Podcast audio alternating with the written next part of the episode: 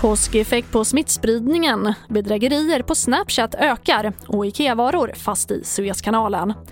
Ja, här är TV4-nyheterna som börjar med att smittspridningen av covid-19 har tagit ny fart i Västerbotten efter några veckors minskning. Det meddelar regionen i ett pressmeddelande. I förra veckan konstaterades 646 fall, vilket är en ökning med 179 jämfört med veckan innan.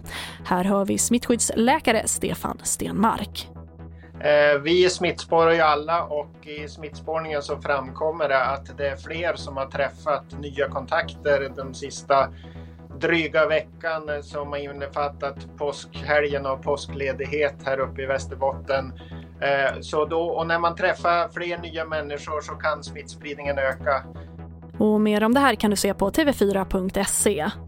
Och nu varnar polisen för en kraftig ökning av bedrägeriförsök på plattformen Snapchat som med hjälp av hackade konton får sina offer att skicka pengar och inloggningsuppgifter.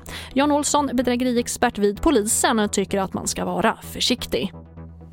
Får jag en kontakt via Snapchat, Facebook, whatever och helt plötsligt så begär kompisen eller efterfrågar pengar eller inloggningsuppgifter eller någonting annat värdefullt då ska man direkt tänka efter. Hur vet jag att det här är min kompis? Borde jag inte kontrollringa honom och fråga om det verkligen är han som kontaktar mig?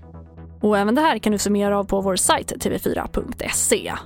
Och vi avslutar med att en miljard dollar, och så mycket vill egyptiska myndigheter ha ersättning efter grundstötningen av fartyget Ever Given i Suezkanalen. Och svenska företag som har gods ombord på fartyget kan behöva vara med att betala kostnaderna för stoppet, det rapporterar SR. Bland annat kan det röra Ikea som har containrar ombord på fartyget. Och det är först när pengarna betalats in som fartyget får lämna Egypten. Och det var det senaste med TV4 Nyheterna. Jag heter Charlotte Hemgren.